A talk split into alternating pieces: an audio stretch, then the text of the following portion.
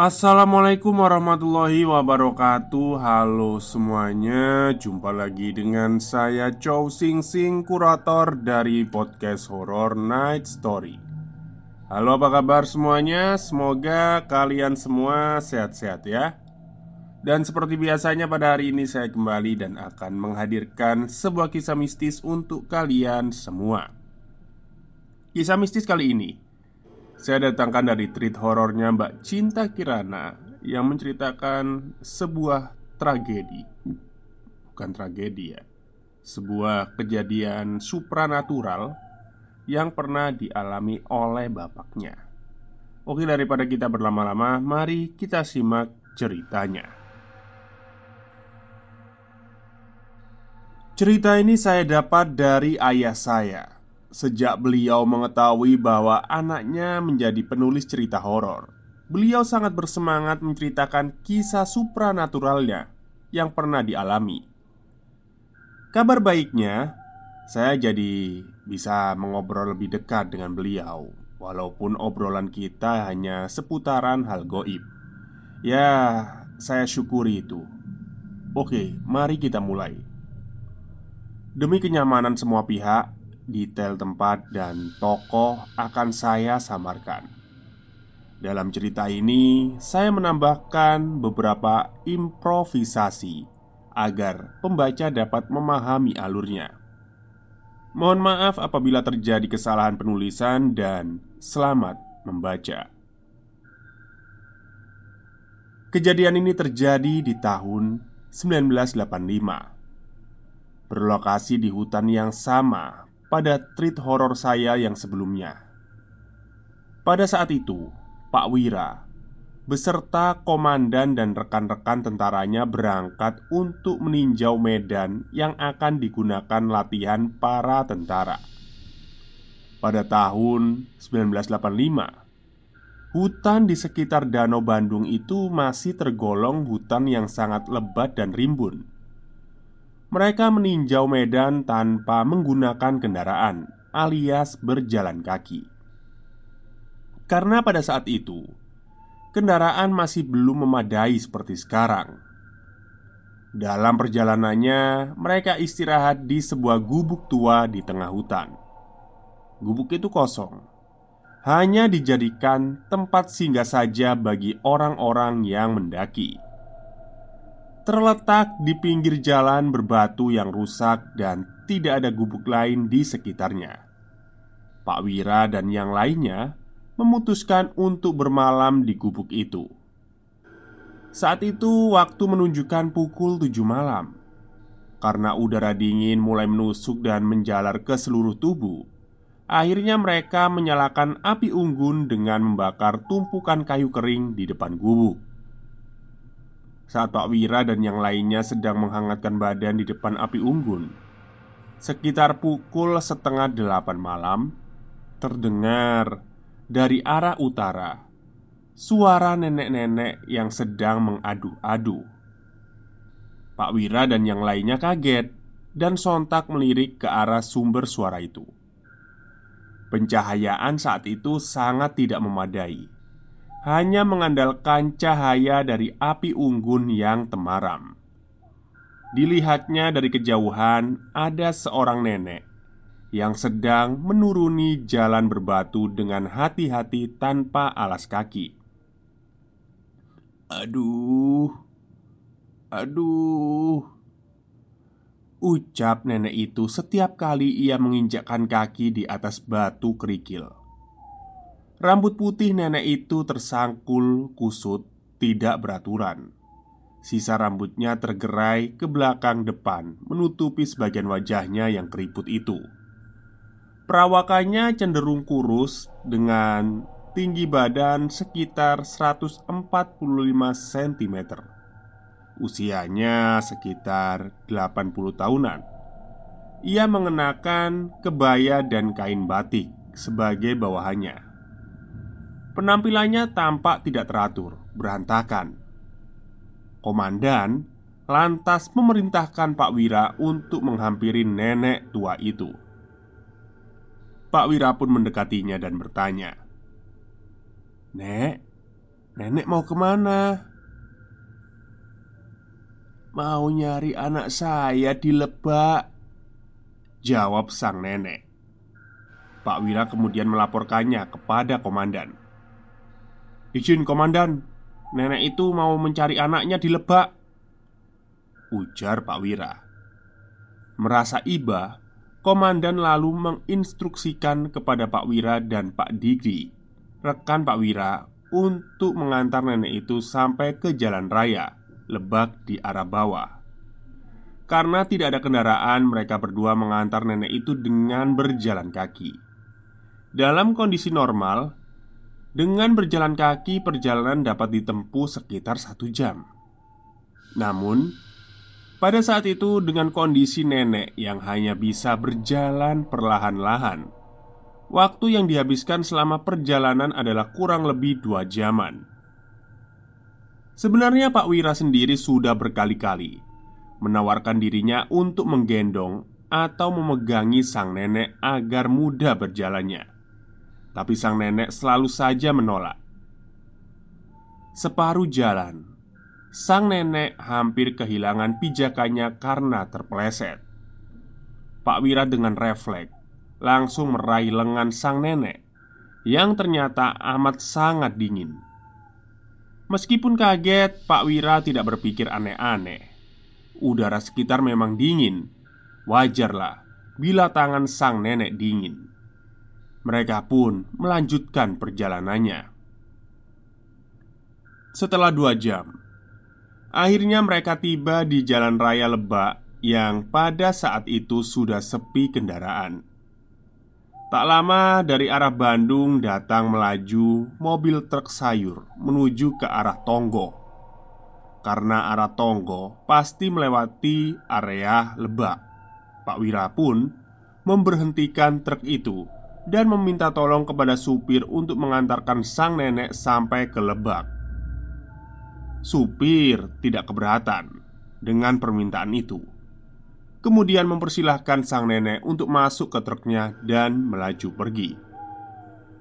Pak Wira dan Pak Diki pun kembali ke gubuk sambil setengah berlari Untuk mempercepat sampai tujuan dan agar tubuh mereka yang kedinginan itu menjadi hangat Hanya membutuhkan waktu setengah jam mereka telah sampai di gubuk Mereka segera melaporkan kepada komandan bahwa nenek tersebut sudah diantarkan menggunakan truk sayur.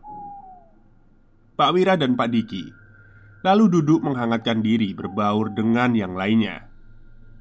Belum 15 menit berlalu Terdengar suara familiar. Aduh Aduh Suara sang nenek terdengar Ia datang lagi Sang nenek dari arah bawah berjalan menanjak sambil mengadu kesakitan tanpa alas kaki persis seperti pertama kali Pak Wira dan yang lainnya bertemu dengan nenek itu dari arah sebelumnya.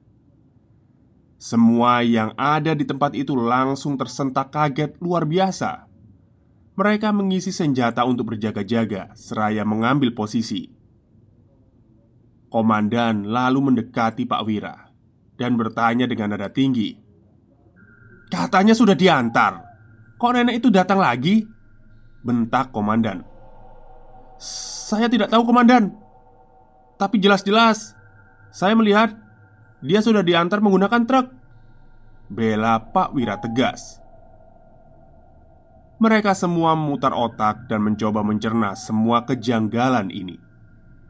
Secara logika Tidak mungkin sang nenek kembali secepat itu. Saat mengantarkannya ke bawah saja dengan jalanan yang menurun Membutuhkan waktu dua jam untuk sampai.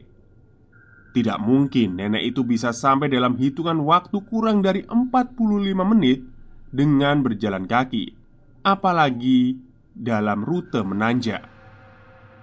Sungguh tidak masuk akal. Anehnya lagi Sang nenek tidak mau mendekati api unggun. Dia hanya berdiam diri sambil mengadu-adu. Bersamaan dengan hal kejadian itu Datanglah mobil Range Rover tentara Dari arah atas hendak berbelanja ke arah Tonggo untuk keperluan di markas. Komandan menghentikan mobil itu dan mengkoordinasikan supaya mobil itu bisa mengantar sang nenek ke arah Lebak. Sang nenek menaiki mobil dan duduk di kursi belakang.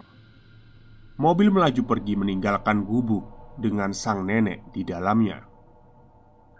Setelah itu, Pak Wira dan yang lainnya melanjutkan perjalanan dan beristirahat di barak dekat Danau Bandung. Sekitar pukul 5 subuh Saat keadaan sekitar masih gelap dan berkabut. Pak Wira pergi ke tempat pemandian umum di dekat danau Ditemani oleh Pak Diki untuk membersihkan badan. Hanya mereka berdua yang pergi ke pemandian waktu itu. Sambil membawa senjata Mereka pergi ke barak Maksudnya dari barak Menyusuri pinggiran danau Tempat pemandian berada di sisi lain danau, sehingga mereka perlu memutari sebagian danau untuk tiba di sana. Sebelum sampai pemandian, di tengah-tengah gelapnya hutan, mereka melihat sepasang bola mata berwarna merah menyala, seperti sorotan lampu, lalu dengan cepat menghilang di balik pepohonan dan lari menuju ke arah gunung.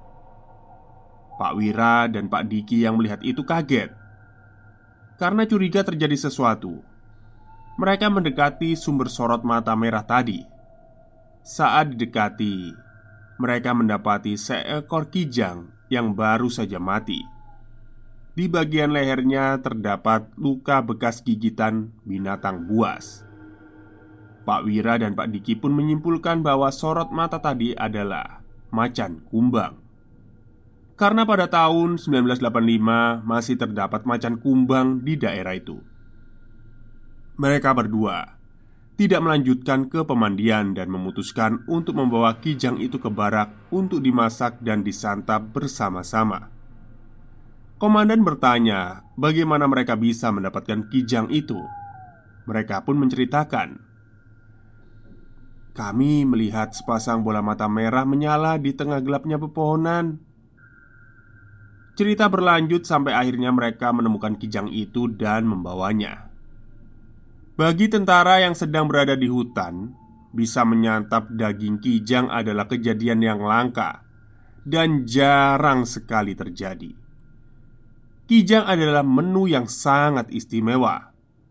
Mereka pun bergembira bisa makan enak waktu itu. Sepanjang hari tidak ada kejadian aneh, sampai akhirnya malam pun tiba. Saat Pak Wira sedang tidur beristirahat, ia merasa sadar tidak sadar berada di antara mimpi dan kenyataan. Tiba-tiba datang nenek yang kemarin ditolong oleh Pak Wira. Sang nenek datang mengucapkan terima kasih. Terima kasih ya, karena sudah membantu nenek. Nenek sudah ketemu sama anak nenek, ucapnya. Nenek gak bisa memberikan apa-apa. Hanya itu aja yang bisa nenek berikan untuk dimakan rame-rame. Lanjutnya Pak Wira pun langsung bangun dan tersadar. Ternyata Sosok nenek-nenek itu adalah jelmaan dari macan kumbang Yang menerkam kijang tadi pagi. Dan kijang itu adalah hadiah pemberian untuk Pak Wira dan yang lainnya setelah kejadian itu, Pak Wira mencari tahu informasi yang terjadi di Danau Bandung. Ia menemukan informasi bahwa kurang lebih dua minggu sebelum Pak Wira dan yang lainnya datang meninjau lokasi ke daerah itu, anggota Brimob menggunakan tempat itu untuk latihan. Mereka menemukan anak macan kumbang dan membawanya ke markas Brimob di daerah Lebak untuk dipelihara induk dari macan kumbang itu mencari anaknya. Sampai tibalah Pak Wira dan yang lainnya. Dua minggu kemudian, sang induk menjelma menjadi nenek tua dan meminta tolong menemui anaknya. Rupanya, sang induk macan kumbang hanya ingin memastikan anaknya berada di mana dan dalam keadaan sehat atau tidak. Selepas itu, anak sang macan kumbang masih tetap dipelihara di markas Brimob di daerah Lebak. Dari kejadian ini, salah satu hikmah yang dapat kita ambil adalah saat kita berbuat baik, maka balasannya adalah kebaikan pula. Begitu juga sebaliknya. Semoga kita semua menjadi insan yang selalu menebar kebaikan untuk semua makhluk Tuhan. Sekian, tamat. Mulang Tarima. Kalau ada yang bertanya mulang tarima itu artinya apa? Mulang tarima berarti balas budi Oke, itulah kisah supranatural ya Yang pernah dialami oleh bapak dari Mbak Cinta Kirana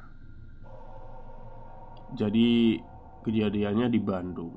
Ya dulu itu masih banyak lah ya hal-hal seperti itu itu. Cuman kan kalau sekarang karena mungkin hutan-hutan, kebun-kebun udah jadi rumah semua ya Apa ya Mereka itu jarang menampakkan diri gitu. Kalaupun latihan pasti ya di gunung-gunung gitu ya. Dulu di tempat saya ini ada tempat latihan itu Tentaranya hilang semua.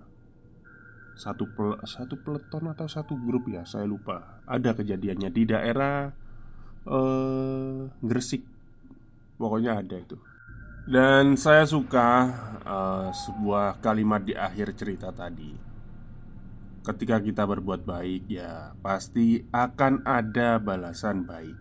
Tapi ketika kita berbuat sebaliknya atau buruk Ya pasti akan dibalas dengan keburukan gitu kan Cuman kita juga tidak boleh ya Mengharapkan kebaikan dari apa yang kita perbuat.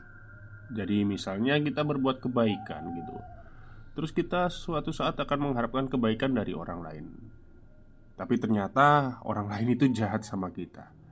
Ya, nggak bisa gitu juga, karena itu udah hukum alam.